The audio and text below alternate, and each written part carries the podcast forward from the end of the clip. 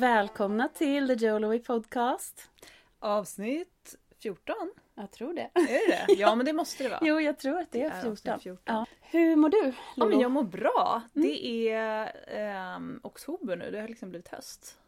Jag tycker det är ljuvligt, men det är fortfarande inte riktigt höst. För det är så varmt. Nej men det är så varmt. Det jag tittar ut nu på en klarblå himmel. Ja. Jag har varit i svampskogen höll jag på att säga, i blåbärsskogen idag. Och plockat en liter blåbär och badat så att det känns ju inte som oktober. Eh, nej. Det är så konstigt. nej, men jag håller med dig. Jag cyklade över jättevarm när jag kom till dig. Ja, du var alldeles svettig. Jag bara, "Ej, just det, har du sprungit eller? Så, så varmt. Det var i och för sig också ganska jobbigt att cykla. Ja. ja men det är bra. Du måste ju nu nöta in din nya stålhäst. Men jag var ju också i vanlig ordning lite sen. Så jag fick ju pinna Fast på. du var ju verkligen i tid till ja, mig. men jag du säga, förstår ju jag cyklade väldigt fort. No, no, no. ja, jag ska inte komma sent. Cykla, cykla, cykla.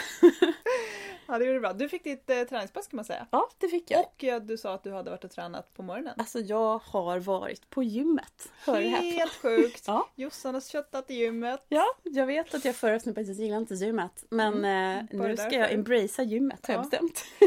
Och det för oss in lite på dagens ämne kan man Ja, säga. vi tänker ju att vi fortsätter att prata om lite om träning och, och vi ska också prata jättemycket om yoga idag tänkte vi. Mm. Och det är ju lite grann Jossans eh, stora... Mm. Det är du som är experten Åh, där. Jag älskar yoga. Och jag, Det- jag älskar ju också yoga. Jag har yogat sjukt mycket genom åren. Mm. Men är verkligen en perioder ska vi säga med yogan. Mm. Ehm, och Men så var det för mig i många år. ja. Det var liksom en period, för det var också då en del av min träningsrutin. Mm. Och då kunde det ju vara så att, ja men då, om inte, då kändes kanske inte yogan tillräckligt jobbig om du förstår vad jag Jag menar. fattar precis. Och då blev inte den som ett, ett av mina träningspass. Nej. Men idag så är yogan en del av min inre rutin. Alltså den Ja. är mer med, alltså det är mer, det är en helt annan sak. Det är, Ja. min, det är en Det är livsstil och det är, det är ett helt annat fack än träning. Så att den, den får ju alltid plats. Mm. Men träningen kanske inte alltid får plats. Ja. Men eh, yogan får alltid plats. ja men jag fattar. Och Mm. jag kan totalt relatera för att det som jag tyckte var så härligt med yogan när jag höll på mycket med det. För att ett tag så yogade jag ju så här typ 5-6 dagar i veckan i varje fall. Mm. Under ganska lång tid kan jag Mm. säga. Och det som jag saknar, det som jag tyckte var så fantastiskt med det, det var just den mentala biten. Mm. Att eh, man mår, eller jag mådde så väldigt, väldigt bra efteråt. Mm. Ehm, och tyckte också att det var ganska härligt när jag höll på. Så det var Mm. inte så. Men, men däremot så var ju det fortfarande då någonting som jag gjorde. Som, det var en ganska fysisk yoga. Eh, och det var definitivt som en del. Då under den perioden när jag yogade som mest så höll jag på nästan uteslutande med löpning och yoga. Mm. För att se så här, kommer... Och jag var lite rädd för det i början för jag bara, kommer nu jag tappa för mycket? Mm. eh, styrka och ja, men, muskelmassa och sådär. Och det är klart, det är ju ingenting man blir så här tung och bitig av direkt. Men du blir ju stark. Mm. Ehm, Jätte, jättestark skulle jag säga. Men jag slutade ju faktiskt med yo- yoga helt och hållet för att jag fick tillsägelse av den... Gud vad var han? Alltså han var ju typ homeopat, nej, naprapat kanske lite grann. Det är ganska två skilda saker. Jag vet, jag bara, det var något, det var något pat. Något, någonting. Eh, Osteopat. osteopat tror jag att han var och naprapat med. Äh, men han höll på med allt möjligt. Eh, och var väldigt duktig. Men jag kom till honom med väldigt mycket ont i ryggen. Mm. ehm, redan för, och det här var ju då typ 10 år sedan. Och eh, det första han sa var att du kan inte hålla på med yoga. Nej. Det är bra, jättebra för många men det passar inte alla. Och eh, du kan inte göra det, i varje fall inte just nu. Nej. För din rygg mår inte alls bra. Så att han, men han satte ju mig å andra sidan på en, eh, en träningsdetox som heter duga. Jag fick inte träna överhuvudtaget på flera Nej, månader. det känns som att du kanske overdid it. Eh, förmodligen ja. Ja.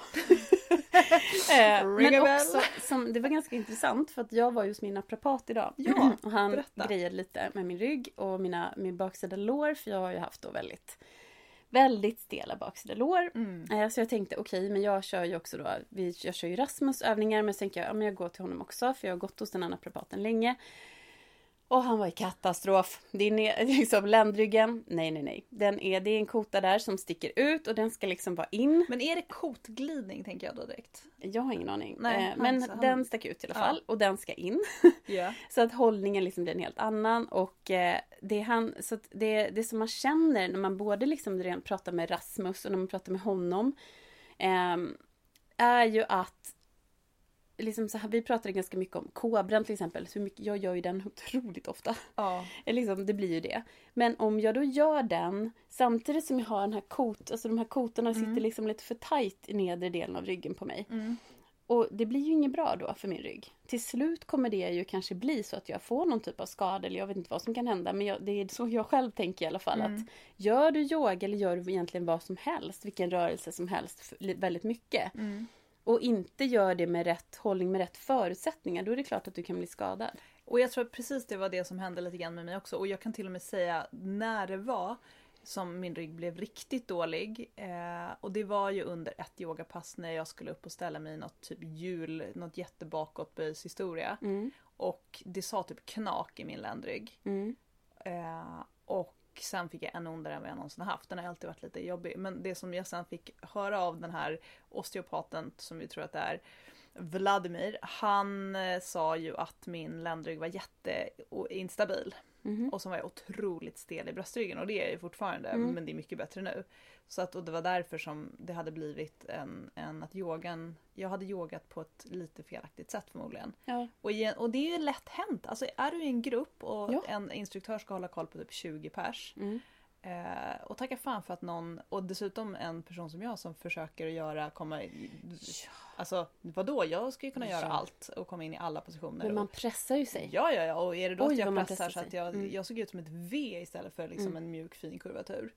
Ja men det, det ligger ju något i den här otroliga prestations och Mm. duktighets eh, feelingen som både du och Ja, jag kommer ja, ja. ifrån. Att ja, men det är klart att man gör allt för att komma ner med övningarna. Man pressar ju kroppen och det spelar ingen roll om det gör ont. Det, jag fick lära mig otroligt mycket på min andra yogalärarutbildning som jag gick på om anatomi och sådär.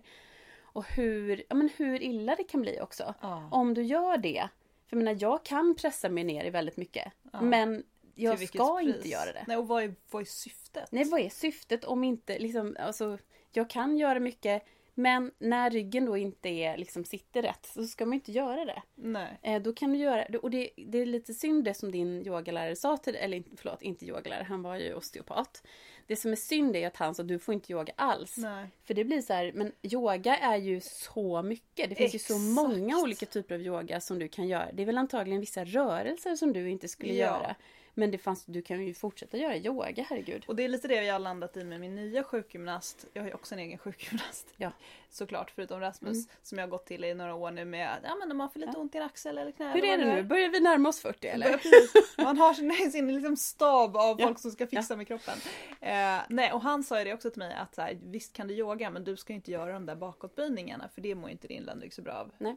Ehm, utan var lite försiktig med dem. Så att jag är ju dödsförsiktig när jag gör Mm. typ jag gör knappt en kobra liksom. Jag gör någon liten försiktig variant. Mm. Eh, och då vet jag att ska jag göra den så måste jag verkligen så parera med bukstöd och, Mm. liksom, och göra rätt för att Mm. annars blir det inte, inte bra alls. Nej, och just bakåtböjningar, när vi gjorde utbildningen så oj vad vi gick igenom den varsamt kan jag Mm. säga. Och fick lä- och lärde oss den från grunden och liksom hur kommer du upp i den och vad är, vart är det någonstans det egentligen ska böja sig? Exakt. Vart är du egentligen rörlig i ryggen? Mm. Och är det så att du inte alltså, du behöver ju inte komma till liksom ytters, ytterpositionen för att det ska ge några effekter. Nej. Då är det mycket bättre att stanna tidigare. Men då blir ju, där är ju risken för oss lite så här Mm. som pushar sig själva lite för hårt alltid. Då blir ju risken att man bara, nej men jag vill, jag vill göra allt och, Mm. och lite till. Mm. Eh, så där tror jag det handlar, som yogalärare då, så handlar det, jag brukar säga det i mina yogaklasser, för jag vet ju själv hur jag själv har varit. Jag är lite mer försiktig nu, men att ni som vet att ni brukar pusha lite för hårt, ni kan utmana er idag med att ta det lite, ni behöver inte gå hela vägen ner. Testa, ni kanske ska stanna lite innan ni brukar stanna. Mm.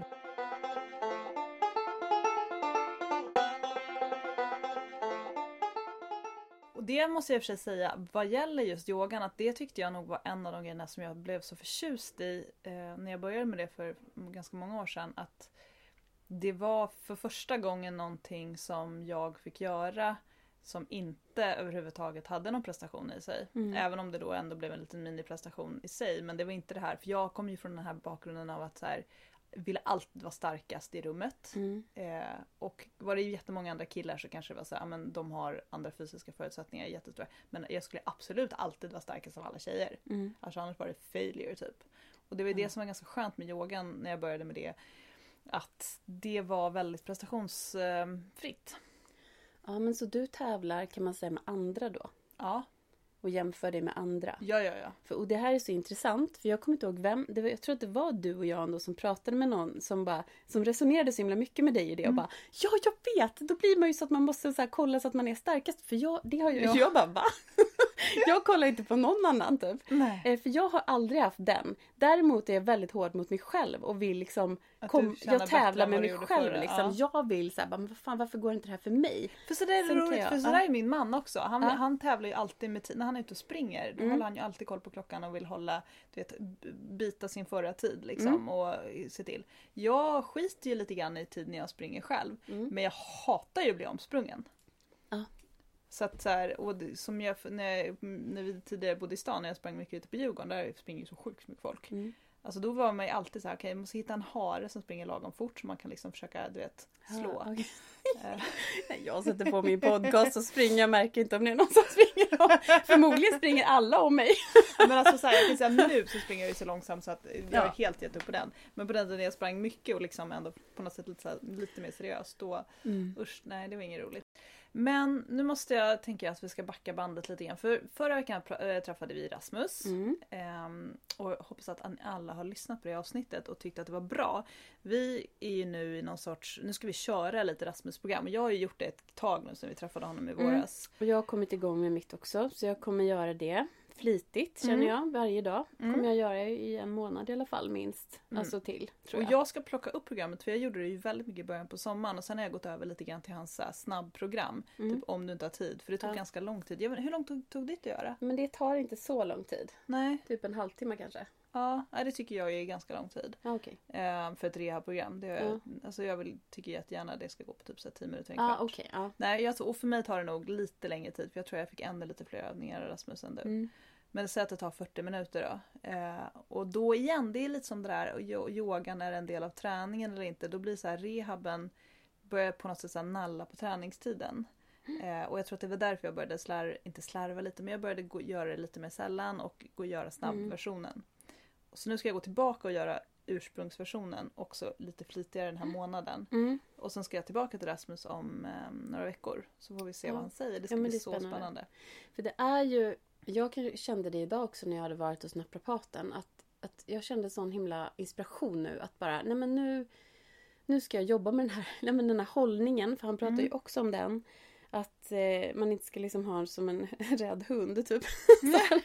Utan liksom ut med rumpan lite mer. Och nej men att jag vill verkligen, jag vill verkligen så här, nej men nu, nu vill jag skifta upp om du Mm. förstår vad jag menar. Nu ska det inte bli så här, för jag har ju gått hos naprapaten och så piffar han till det där. Sen är det bra ett tag. Men sen Mm. faller jag väl tillbaka i ett rörelsemönster.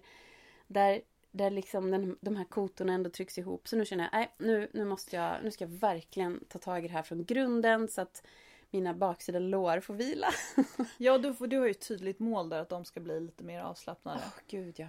De, de, de har ju varit konstant på. Ja. Det är lite Jättebra. som att mina vader och mina framsida lår är konstant på. Jag Mm. går ju nu Mm. eh, någon gång i veckan på så här superdjup massage av dem. Mm. Som är inte skönt ska jag säga. Nej. Eh, utan hon, alltså det är tortyr. Men det är lite samma sak fast tvärtom då. Och det är ju för att du och jag ser ju ganska olika ut i kroppen Mm. i vårt rörelsemönster också. För jag är också konstant, alltså mina vader är spända som svajrar. Och det är Mm. därför min, sannolikt min onda hälsena aldrig blir bra. Mhm. Eh, och att jag börjar få lite ont i knäna. Så Mm. att det är intressant vad man ska göra. Så jag stretchar ju dem väldigt flitigt just nu. Mm. Men förmodligen, det är en grej jag ska ta upp med Rasmus också och se om Mm. det är så att man kanske ska fila på det också. Mm. Göra någon sån liten abrovink. Men det är intressant. Just det Mm. här med att vara konstant påkopplad i en del av kroppen. För det vill man ju inte vara. Nej. Det snackade ju Rasmus om också. Att man Han vill ju helst ju vara som om det. barn. Mm. Så här, det ska vara, man ska känna sig lätt i kroppen Mm. och ospänd. Ja. Och en sak är ju den här med magen, Oh. att jag ofta står och spänner in den. Jag tror att det är det som kan göra att jag också liksom, Säkert. bäckenet tiltar in lite och så Ja. bara. För det kommer jag ihåg någon annan kvinna på, ja men just på min yogalärarutbildning också som var, hon var Slappna av. fysioterapeut. Hon bara, men du ska inte, hon bara du spänner för mycket på fel sätt Ja. i din mage. Du är superspänd i magen hela tiden. Ja. Hon bara, du måste bara pösa ut magen lite. Men det, är jobbar ju jag för att vi är med. så, det är ju vår, vår kultur också. Att Det- vi ja, tjejer, ja. vi har ju fått lära oss att Ja. hålla in magen sen vi var liksom... Alla har ju fått lära Ja. sig det egentligen. Och det säger jag också på mina, yo- när jag har yogagäng. Liksom. Jag bara, men släpp ut magen. Mm. Och vi andas ju med magen. Vi ska ju ner med andningen så att magen expanderar Mm. ordentligt. Det, är ju, det kan vara jätteutmanande för, för många. Att ens liksom ja, för det är så, få det ner andningen här för att det är så spänt här nere. Och man Ja. liksom, oh, så här, press, gör allt för att trycka in magen. Ja. Så ut med magen för 17.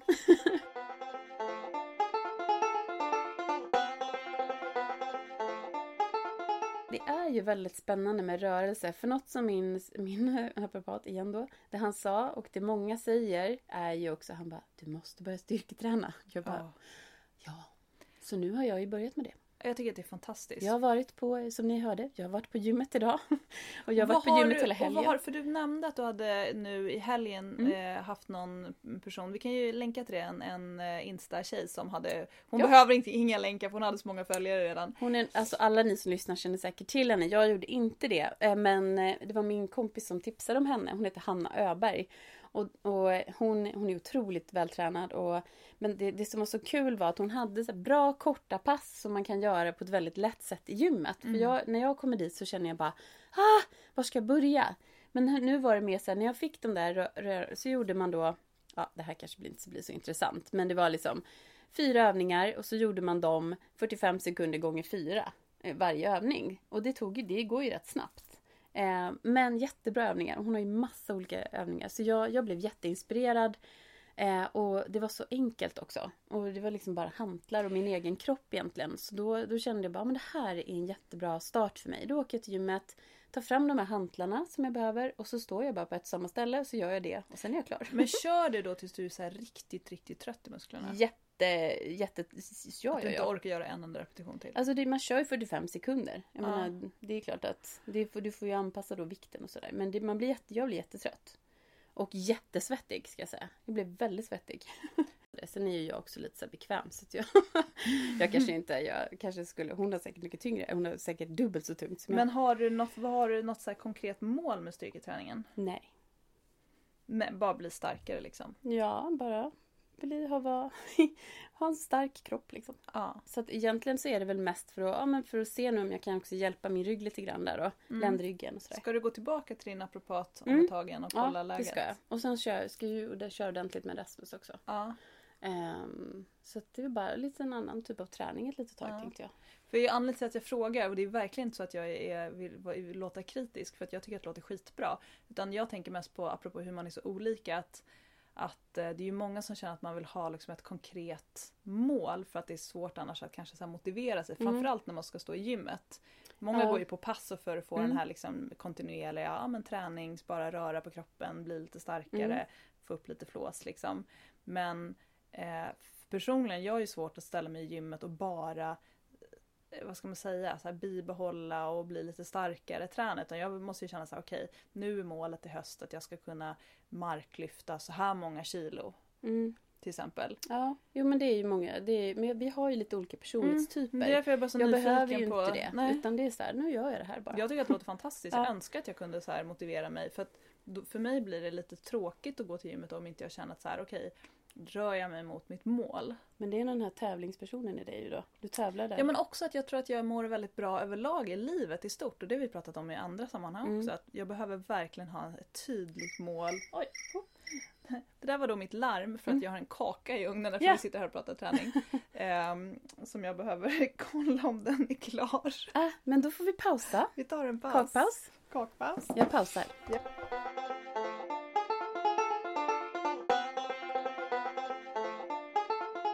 Tillbaka från kaka. Vad var vi pratade om mål? Men, och det kan jag, det vill jag gärna ha i många sammanhang också. Mm. Att man har mål. Men just med träning, men jag, den är inte Den är inte viktig för mig på det sättet kanske som för dig.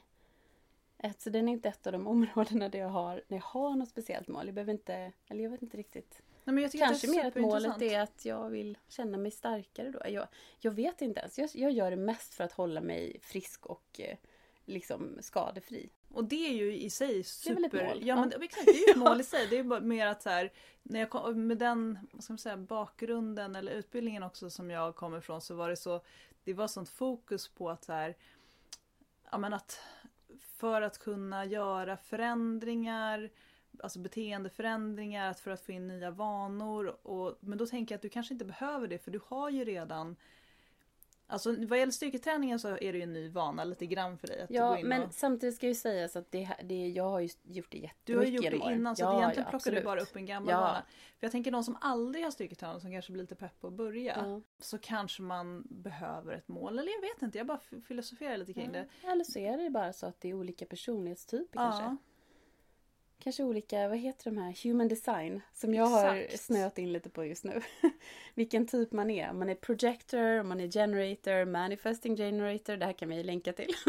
Det här får du definitivt länka till för det där måste vi läsa mer om. Det är jättespännande. Ja, Eh, där menar de ju att ja, men det, det är ju lite samma som, det finns ju massa olika sådana där typer av Ja men som man har de här olika röd och blå och grön, den typen av personlighetstyper. Men jag tänker att det är en kanske är därför kategori. som du också är, har fastnat så mycket för yogan. För den är ju heller inte så målfokuserad. Nej. Utan det också handlar ju om, om Ja. att någonstans bara vara i det och Mm. trivas med Mm. det och liksom njuta av färden på något sätt. Ja men så är Eller det. hur? Ja. Och det är kanske därför jag inte riktigt har kommit Alltså jag har gillat yogan men inte Mm. riktigt har fastnat ändå. Nej. För att jag vet inte när jag uppnått målet eller om jag är på väg mot Nej. målet. Men där kan man ju tänka, alltså inom yogan så är det nog mer en slags andlig utveckling. Ja. Som, som jag i alla fall känner att, som har varit min både resa och mål. Och den köper jag helt och hållet. Men för mig, jag blir bara så här, är den mätbar? Eller inte, jag fattar att den inte är mätbar så, men för mig så måste den kännas mätbar. Att jag kan ge, känna en skillnad. Förstår du vad jag Men menar? jag tror ja, det där är ju något som måste erfaras. Som Mm. vi pratade om lite förut, du och jag, när vi satt och pratade om yoga. Att det måste upplevas, tror jag. Mm. Och har du inte upplevt det så nej men då, då är det svårt att ta på det tror jag. Men om du när du börjar liksom mysa in dig i det där då märker du att det finns steg i den utvecklingen också. Mm. Och du kommer in i olika nivåer, du kommer in i olika dimensioner eller säg vad du vill. Men Kan inte du berätta lite om skillnaden? För att jag tror att folk som lyssnar, många är ju så här duktiga, eller många har ju så provat yoga på något gym Mm. kanske, eller man har gått på en yogaklass. Men du håller ju på med eh, mycket kundalini-yoga som är lite, Mm. an, vad ska vi säga, inom citationstecken annan yoga än vad man kanske så här, typiskt så här, tänker sig med så här, solhälsningar och mm, mm, vi gör lite solhälsningar också. Ja, nej, men, men, Men, eh, det är väl inte den, det är liksom, det är inte, mycket av yogan utgår ju från hatta-yogan och den typen av rörelser som man har där. Och lite my- mycket utgår också, alltså vinyasa flow utgår ju lite från ashtanga-yogan Mm. s- och sådär. Eh, och så det här är ju, det här är ett annat, eh, ett annat sätt att yoga på. Det handlar väldigt mycket om energi, alltså energi, inre energi. Få balans i vårt chakrasystem. och eh, mycket chakran. inre resa. Åh gud, ja, det, ska vi, det kommer vi ha egna avsnitt om tänker jag. ja. Jag håller faktiskt på nu och läser, om jag sätter mig in lite extra i chakrasystemet. Det sägs att vi har då sju chakran i kroppen. Eh, som är energicentrum. Mm. Och då är det första chakrat är rotchakrat som sitter ungefär vid typ anustrakten där. Och sen går det uppåt med andra chakrat vid ungefär vid äggstockarna för oss kvinnor då. Sen har vi ett väldigt viktigt tredje chakra som sitter vid navelpunkten ungefär. Lite strax under naveln. Eh, och sen har vi vårt hjärtchakra som då inom yogan sitter i mitten kan man säga. Det sitter inte där vårt fysiska hjärta sitter utan i mitten på bröstkorgen. Och sen har vi halschakrat och sen har vi då tredje ögat som är en punkt mellan ögonbrynen. Det är sjätte chakrat och så sjunde chakrat är På eh, toppen hjässan, av huvudet. toppen av huvudet. Och sen inom kundalini-yoga-traditionen så säger man också att vår aura är det åttonde chakrat. Mm, Men det är fint. nog mest den traditionen som säger det tror jag.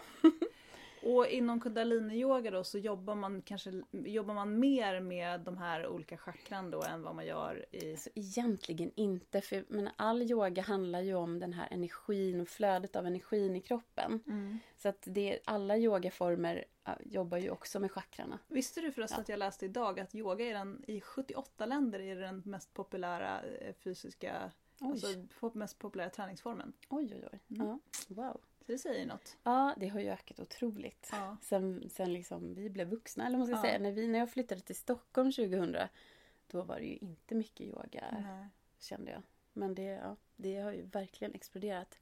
Nej, men om man går tillbaka då till vad, ja, men till exempel då, kundaliniyoga som jag gör mycket. Det var ju det är mycket energi i kroppen, hur man jobbar med dem och hur man jobbar med snarare ett flexibelt sinne än en flexibel kropp kan man säga. Men båda två är bra, båda två vill man ha. Men det är väldigt mycket fokus på det inre skulle jag säga. Och Mm. på sinnet och på, på själen då helt enkelt. Och någon slags, det, vi jobbar mycket med vinklar och eh, trianglar och tre, alltså mycket så. Mycket, man har liksom händerna i olika positioner och vi jobbar mycket med mudras som är olika handpositioner för att låsa in energin på olika sätt och rikta energin i kroppen till olika delar som man vill Är det till. därför man gör det? Mm. Mm. Mm. Därför du sitter med händerna över huvudet vinklade 60 grader ut och så då flödar energin. För att energin ska flöda till just det chakrat som man håller på med i den. Ja, eller ja. Typ. Eller, eller i kroppen bara. Ja. Och väcka upp vår livskraft på ett annat sätt. Ah. Så att när jag hittade till den yogaformen och det är väl, när kan det ha varit då? Det är väl, det var, det är nog sex år sedan nu tror jag. Ja det är det. För du började ju, bara för att backa li- bara Ja. lite, du började ju med typ eh, bikramyoga. Mm. Som är ju det här skitjobbiga Ja, militäriska. eller egentligen så började det ju långt innan det Jo, med vanlig liksom yoga. Så, ja. superfoka på yogan. Ja, nej, då var det mycket bikram ett tag. Och sen så har jag ju varvat lite med mellan så här ashtanga-yoga. Hur kom du egentligen in på kundalini-yogan? Jo, det var... Eh, jag, jag, började, jag började med yogan, alltså verkligen fördjupa mig inom yogan egentligen som den jurist och teo, teoretiker jag är. Mm. Genom att läsa väldigt mycket den typen av filosofi. Jag Mm. hittade liksom in där på djupet genom att jag började intressera mig för den yogiska livsstilen. Snarare kanske än rörelserna i sig. För rörelserna, det vill säga asanas inom yogan, är ju egentligen en ganska liten del. Eller det är en del av allt, ehm, men det är inte det är inte det som är key, utan det är ju, yoga är ju som en hel livsstil en filosofi. Så då började jag djupdyka väldigt mycket i det. Och då började jag eh, yoga ännu mer också. Och för att jag förstod liksom, Så det var egentligen livsstilen och filosofin som kom före? ja, det var så. Och då började jag också äta eh, helt vegetariskt och sådär. För jag, ja, det var liksom lite i linje med den filosofin och det. Och då någon gång där så ville jag verkligen fördjupa mig ännu mer. Då letade jag lite bara så här helt randomly. Då hade jag också ganska små barn. De var väl ja, ett och tre var de ju då. Och då ville jag ha någonstans på Lidingö där jag kunde gå. För att det var lite enklare då. Och då hittade jag till eh, Ingrid Marie som jobbar med kundaliniyoga. Jag hade aldrig hört talas om kundaliniyoga då. Så jag bara, "Ja, men det här verkar mysigt. Det såg så mysigt ut. Liksom, det var fina bilder. Ja. Jag bara, men det här, det här ser ju härligt ut. Och vad höll hon hem, hus hemma hos sig själv eller? Eh, när hon var på en, en liten studio på Lidingö, jättenära oss där vi bor. Och så kom jag in där första gången, jag kommer ihåg det, så bara låg det så vita fårskinnsmattor utrullade. Det var så här fint ljus, det var så här mysig musik och alla bara låg på de här mattorna. Jag kom ju då sent i vanlig ordning.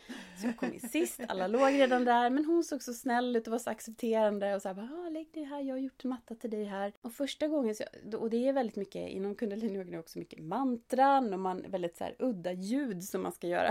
så att det känns nästan mer och mer så här religiöst på något sätt. Ja, att det är liksom så men här det är ju det är det ju inte. ceremoniellt på något Ja, sätt. det är ingen religion liksom. Det är bara, det är en annan, Ja. typ- det är mycket mantra. Och det har ju också någon slags yogisk vet, alltså man säger, det har ju också sin förklaring och det kan vi inte heller gå in på nu. Men just det här med vibration, ljud och vibrationer, hur de slår an i oss och vad det, hur det kan påverka hela vårt system. Ja. Det är som en liten vetenskap i sig. Ja. Och det är därför man gör alla de här olika mantrarna inom kundaliniyogan och inom andra, alla olika traditioner.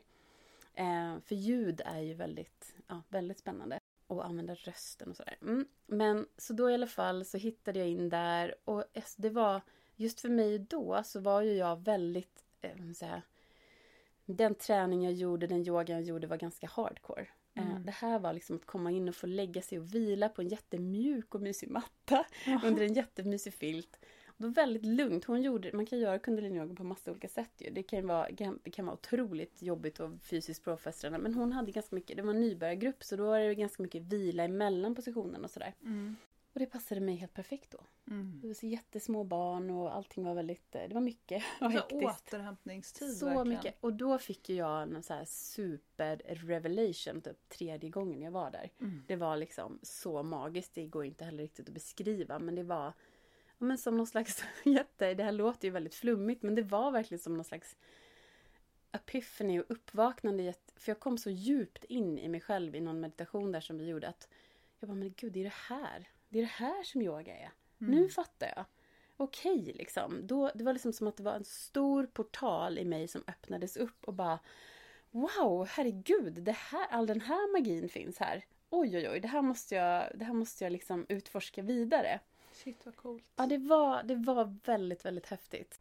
Så sen efter det så har jag ju fortsatt med den typen av yoga och direkt kände jag bara det här måste jag utbilda mig inom. Det här, här måste jag sprida.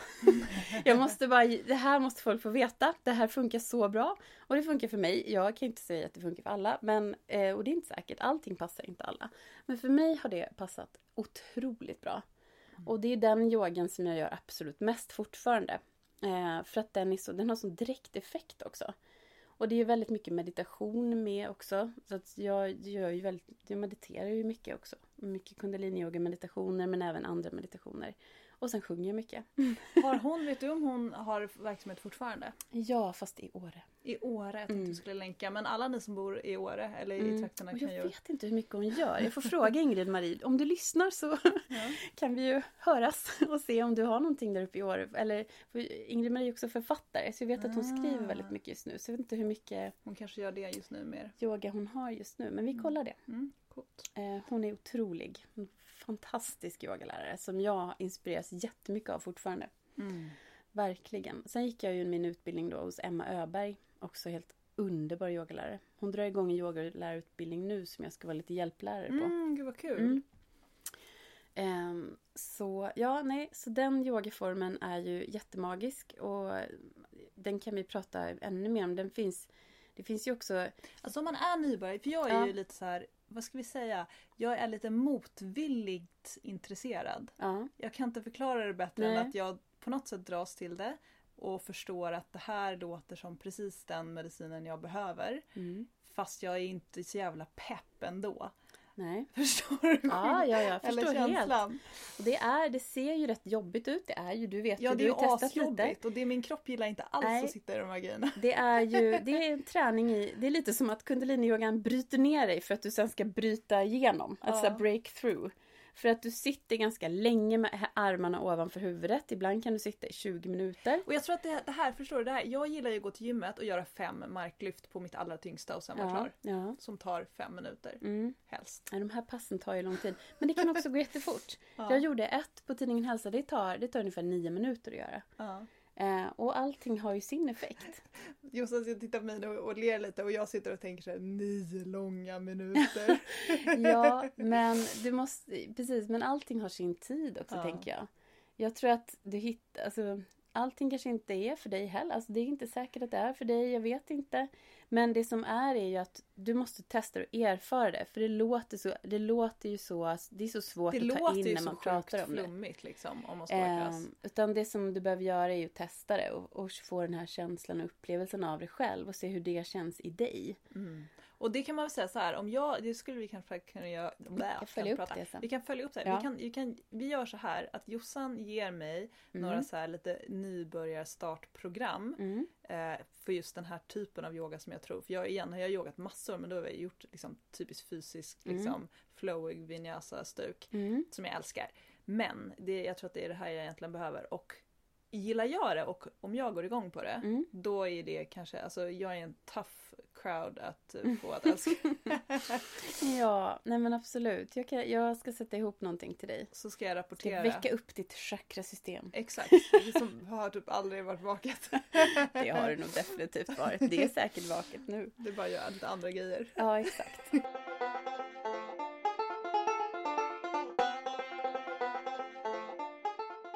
Jag är ju också vinyasa flow-lärare och jag älskar ju den yogaformen mm. också. För i kundalini så är det lite så här, om du gör rörelser efter ett visst schema i en viss position med olika, för att det är lite så förutbestämda pass som man gör kan man säga, väldigt enkelt förklarat. Och i flow-passen så kan de få bli väldigt, liksom, som en dans. Lite som en dans. De får också bli helt fria från mm. alla så här, nej men nu ska vi sitta så här länge i den här positionen. Eller nu så här, då, men lite mer gå på känsla? Lite mer känsla, lite mer dans, lite mer crazy. Så. Uh -huh. men även det kan ju ge otroliga upplevelser. Mm. Jag vet när jag var i USA, då var jag en period när jag yogade jättemycket och då var jag på en liten yogastudio där i, i några veckor och de yogade varje dag där och de hade helt fantastiska yogalärare. Mm.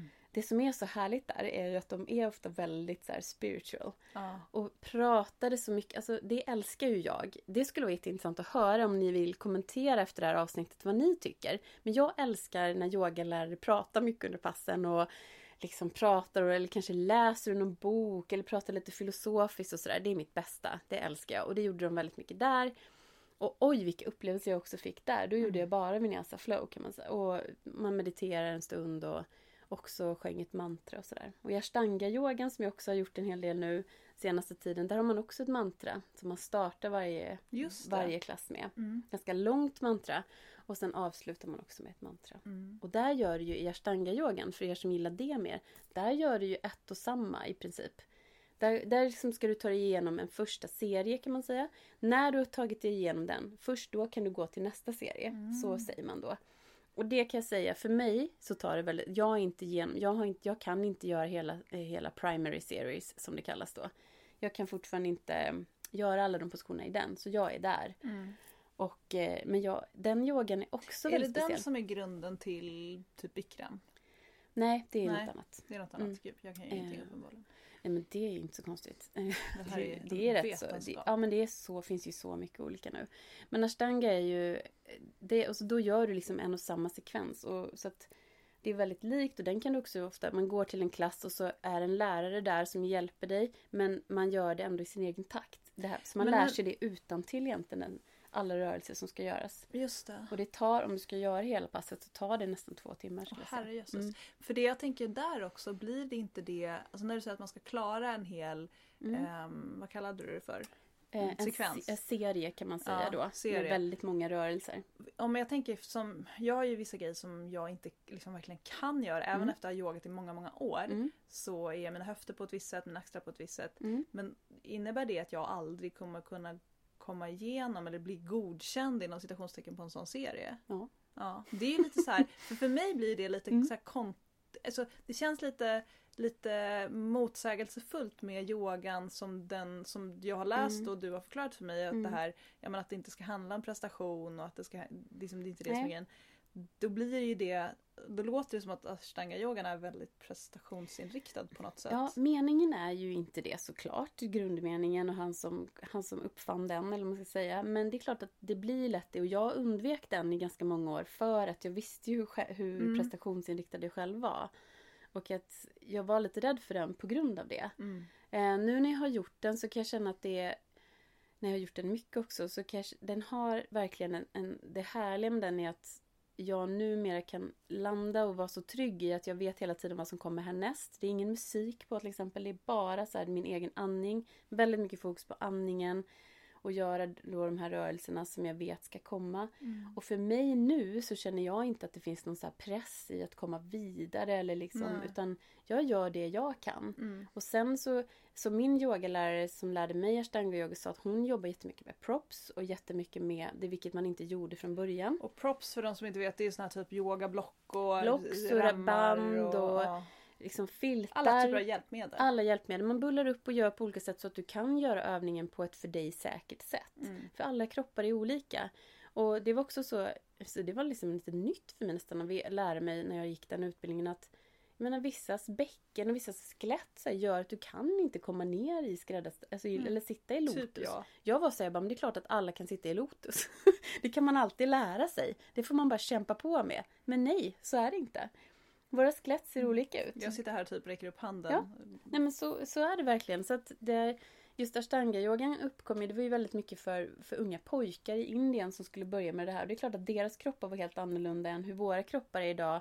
Kroppar som sitter mycket Mm. på kontor. Jag menar det, det är ganska stor, det, det ska mycket till att vi ska komma ner i vissa av de här positionerna. Och sen tänker jag tänka mig att absolut kan göra vissa av de rö- rörelserna som kommer i nästa serie och sådär personligen så själv träna på hemma Mm. och sådär. Det kan man ju göra Ja, såklart. det är klart, det Ja. finns ju ingen så här lag som säger att Nej. du får inte gå över till serie Nej. två hemma. Appa, då kommer yogapolisen! Då kommer yogapolisen. Men ibland så kan det ha känts så med den här med yogan. Men det håller också på att luckras upp allt mer känner jag inom yogavärlden. Det har Men varit så väldigt nu när det är så himla populärt också? Det blir så folkligt med yoga och då går Ja. det inte att vara så strikt längre. Nej, men, ja, och jag tror också att vi har varit väldigt bundna vid olika gurus tidigare. Mm. Och just det har också börjat uppluckras lite grann. Att du är din egen guru. Det gillar jag. Du känner själv i din kropp. Du, alla har en egen guru inom sig. Och det är, liksom, det är just det här med att dyrka en, en guru, sätta någon på piedestal. Sådär. Jag tror att det är på väg ut. Mm. Eh, och därav så kanske man kan tänka sig att man kan modifiera mer och mer. Och, men samtidigt måste du tänka att det fanns en anledning till att de, så känner jag, upplever jag det. Det här är ju verkligen ingen, jag menar det är mycket debatt i yogavärlden kring de här olika frågorna. Men Mm. Sen, är det, sen tycker jag att när jag, när jag har känt och upplevt vissa saker då med det jag har gjort, då vill inte jag kanske ändra, då vill jag inte ändra på det för att jag har upplevt hur jäkla bra effekter det har. Ja. Typ Så att det finns man- en vits att göra det enligt schemat för att det finns ett recept. Men Liksom. lite så, och liksom de personerna som gjorde de hade ju, de hade väldigt, alltså De det känns som att de till. hade på fötterna. alltså så. Det bara nej nej nej men alltså jag gör lite så här. Nej men så kan det- jag känna lite bara, men vem är jag? Och typ. Ja, lite så. Ja. Samtidigt som, Mm. och sen så kan man då, ja, jag går loss på vinyasan då. Mm. eh, Och kör järnet fritt och jag älskar att sätta ihop nya sekvenser och göra den så dansig det bara går. Ja. Även om inte jag är en dansare. Men jag ska Ja, bli det nu. Ja men precis. Ja.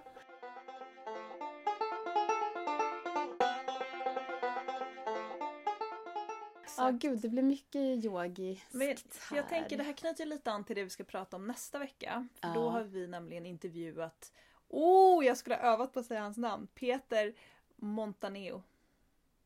Nej, Jo, Peter Montiano. Montiano. Mm. Ni ser. Fortfarande kan jag det inte. Nej. Förlåt Peter. Har, han är i varje fall grundare av eh, den, det är Nordens största träningsplattform eh, som tillhandahåller då yoga framför allt men även eh, meditation, föreläsningar, andningsövningar. Jag tror faktiskt att de håller på med en hel annan typ av träning också Ja, det gör de. De har allt. numera. Men de började som en yogatjänst och eh, Peter har en jätteintressant bakgrund och historia. Han är ju en så här superentreprenör verkligen Mm. och då eh, nu med Yogobi sedan ett antal år tillbaka. Och eh, då så kan ni få lyssna och höra ännu lite mer om yoga och hans syn på det. Mm. Ehm, och där pratar vi lite grann om hur vi har eh, varit, kommit in på det också. Mm, absolut. Nej, men så det blir jätte, det här är en bra Men intro. redan nu så kan ju ni gå in och kika på Yogobi, deras eh, hemsida. Och jag har till exempel Yogobi och använder det inte alls så mycket som jag skulle göra. Eh, men jag tänker att nu så, apropå det du pratade om Mm. med kundalini-yoga så har ju de såklart kundalini-yogapass där också. Ja, som jag inte alla har varit och klickat på. Men jag tänker att jag kanske ska ja, börja. kan där. Där finns ju säkert också Mm. kundalini för dummies liksom. Väldigt basic övningar. Den kan vara väldigt snäll. Nu låter det som att jag målar upp den lite som, men den kan också vara väldigt snäll och Jag skonsam. gillar ju väldigt mycket det här du målade upp. Det var därför jag frågade om hon Ja. fortfarande är verksam. Att Mm. få gå och lägga sig på en fårskinnspäls. Ja. För jag tror att jag kan gå in i det. För att jag ska liksom jag tror jag på någonting nu. För att jag ska gå igång på det så Mm. tror jag att jag inte ska komma in i det från träningshållet. Mm. Jag ska gå in i det från själslig eh, medicin, eh, Mm. meditation, den, det hållet. Mm, det tror jag Ehm, definitivt. Och då tror jag att jag ska börja på fårskinnspläden. Nej, men det tror jag Och med. göra det så skönt som ja, möjligt. ja, åh, jag har redan, åh, i mitt huvud bara, åh, Ja. jag har så många saker som vi ska göra. Och så ska jag liksom lura igång Ja. mig själv på det. Nej men verkligen, för du ska liksom komma Ja, ner För jag tror att jag har mest bara upplevt det som en obekväm och lite jobbig form Mm. av yoga som inte har gett mig det jag tänkt att Nej, det skulle ge nej mig. men vi ska ta det, ta det lugnt. Jag har börjat, börjat bakvänt inser jag nu. Ja, men Gud, vad kanske. spännande. Ja. Sen är det med, alltså med yoga och sådär, det är ju... Det, för mig så har det ju som sagt utvecklats till att snarare vara en, en livsstil än att bara handla om just de här rörelserna som man gör. Och där kommer vi också Du in på lever ju faktiskt väldigt mycket yoga i hela ditt liv. Ja men det har ju verkligen blivit så och det har ju varit en lång process. Mm. Det är som att man går ju olika, men lite grann på sin spirituella stege på något sätt. Att man, man går, kommer in i olika faser och ibland så kommer du också in i en så tvivlande fas och bara äh, det kanske inte gör det som ger det här något eller så här, man kommer in i tvivel men sen så bara ah, jo men så kommer man tillbaka in i det och nu har jag ju haft en väldigt flera år där jag verkligen gjort Och jag vill ställa en annan fråga då, Mm. apropå det. För du nämnde att du läste en hel del i början. Mm. Finns det någon, har du någon så tips på, om man är lite nyfiken på Mm. vad man ska börja läsa, om man vill lära sig lite som du gjorde? Ja men precis. Alltså, för mig så var det faktiskt Malin Berghagen som var port- porten in. Jag började följa henne och läste hennes blogg och hennes böcker. Jag har ju faktiskt några av hennes, Hennes böcker. första bok tror jag, för de andra hade väl inte kommit än då.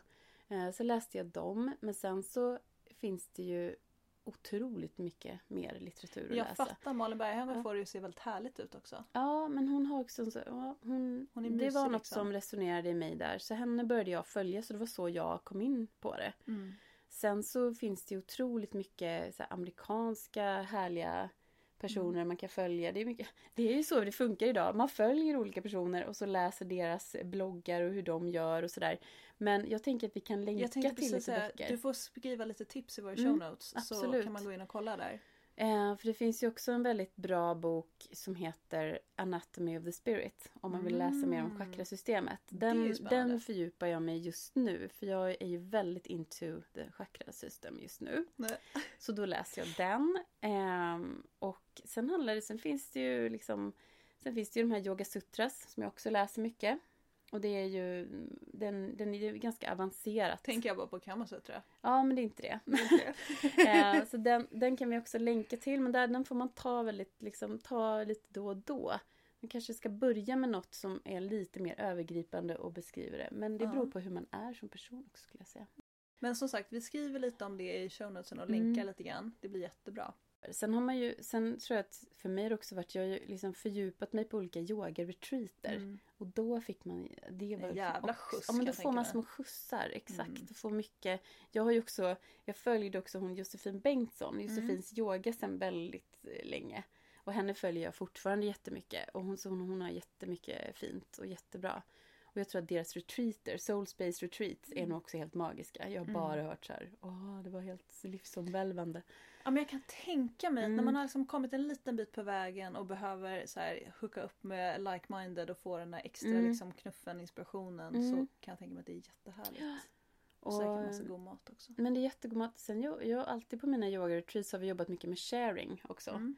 Att man sitter, det är liksom en aktiv lyssning. Att man får Lite prata gruppterapi.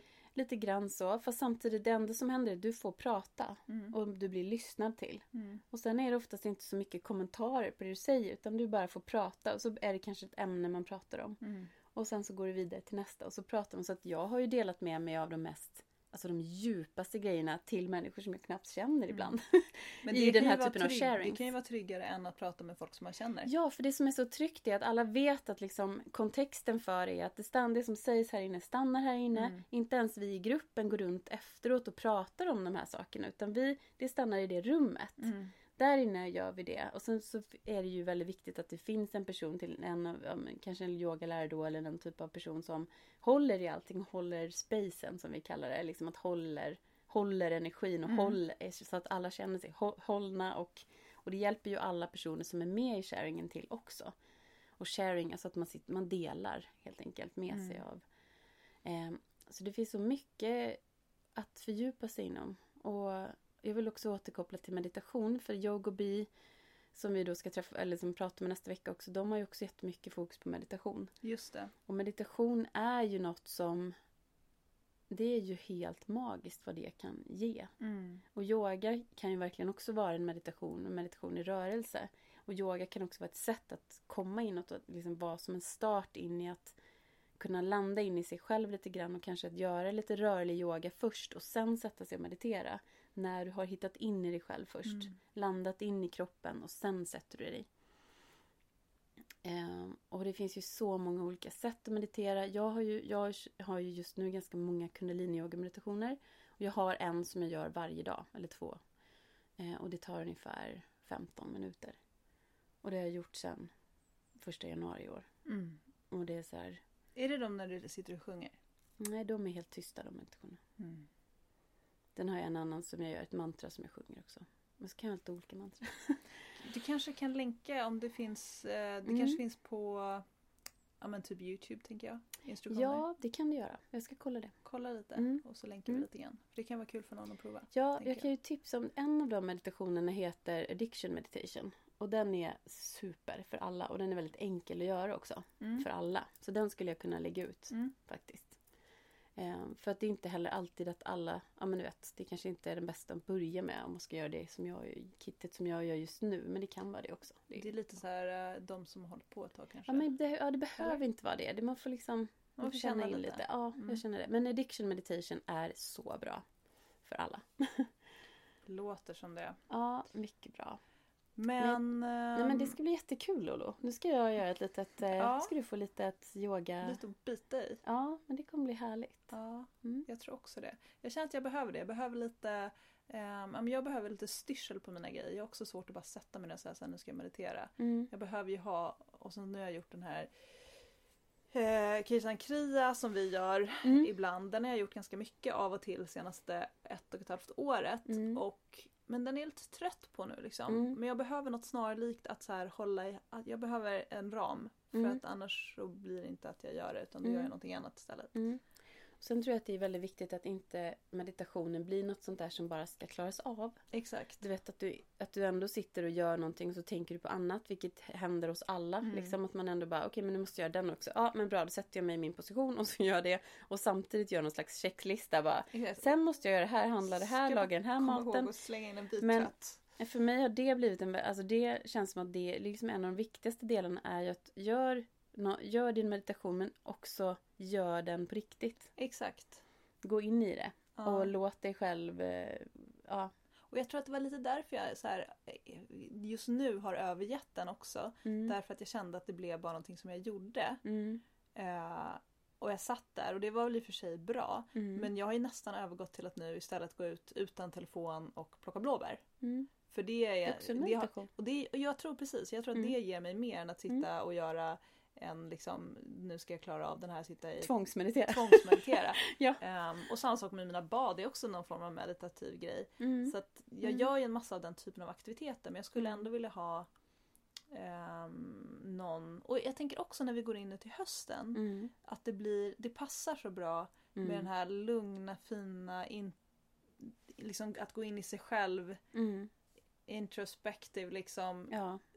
formen av Alltså ni fattar vad jag tänker. Sitta där på sin fårskinn med liksom ett ljus och Mm. det är mörkt ute kanske och det, det passar väldigt bra. Det passar jättebra. Så jag Det- känner ett sug efter det, så kan man säga. Ja, men, och det, det, det säger ju något som verkligen så resonerar med mig också. För på ett sätt kan jag känna att även om det nu är supermörkt när jag går upp klockan fem på morgonen. Mm. Så är det nästan ännu lättare Mm. nu. För att då har jag det där myset med Mm. att tända ljusen. Liksom dricka något varmt, typ te eller hamna ha, i stämning. hamna i den stämningen. Ja. Så att eh, alltså passa på nu. Passa ta på nu i höst, gör till en en liten... eh, Mm, verkligen. Och jag ska också passa på att börja ta den där första koppen te istället för min första koppen kaffe. Och Mm. skjuta lite på den tror jag. Mm. Just för att den, eh, för där kan jag faktiskt ändå hålla med dig. Vi har ju lite olika kaffeåsikter. Eh, eller så här, jag älskar ju kaffe så Mm. mycket så att jag kan inte sluta och jag tror ju också att det är ganska nyttigt. Men eh, jag tror att jag ändå skulle må bra av att skjuta lite på den. För det ger ju ändå ett visst kortisolpåslag. Mm. Och då tänker jag att jag kanske ska ta den där tekoppen istället. Mm. Och just den här känslan av att kaffe blir man ju ändå lite speedad av. Det blir ju fortfarande Ja. också. Framförallt Mm. när den får en first thing på morgonen. Ja. Eh, vilket är en härlig känsla men just när man kanske ska meditera då vill Mm. man inte få den där yttre Nej, speedfaktorn. det kan faktiskt vara ett tips. Eh, att försök att vänta med första koppen kaffe Mm. tills du har gjort din morgonpractice. Om man ska säga ditt yogapass, vad du nu än gör. Mm. Och jag menar, en, en, van, en yoga, lite en yogapraktik på morgonen, det kan ju vara allt från fem minuter till en och en halv Mm. timme. Så du behöver inte alltid tänka att du måste göra ett, ett 60 minuters yogapass. Ett tag så hade jag att jag bara gjorde sex solhälsningar Mm. varje morgon. För det var det som passade in i livet just då. Ja. Då gjorde jag det och sen kanske jag mediterade eller gjorde något annat på kvällen. Mm. Men så att göra, och det måste jag säga, att gå upp och göra typ sex solhälsningar. Det är en otroligt skön grej för kroppen. Jag mådde så bra i min rygg och i hela kroppen av att göra de här solhälsningarna. Jag gör fortfarande det Mm. ofta. För att jag gillar att, alltså det är något, det, Älskar också den ja, men man får upp liksom rörelse i hela kroppen med den övningen. Den är, den är jätte, jättebra. Det är också den första rörelsen man gör i ashtangans primary. Mm. Som någon slags, den är ju lite som en uppvärmning där Ja. också. Man I kundaliniyogan använder man den också Men som också när man, uppvärmning. man kliver upp ur sängen eller vad väl jag är ganska så Mm. stel. Det är väl också åldern. ja. Man känner sig lite så här, "Arr, arr", det liksom knakar lite grann. Mm. Man, och då är det väldigt skönt att göra, jag tycker det är skönt att göra lite så solhälsningar och lite så här kattko.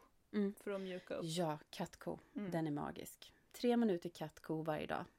Testa det. Det är mm, Och work då finns det wonders. säkert några som säger så här, vad är kattko? Men då får ni googla det. Ja, men vi kan lägga ut kattko.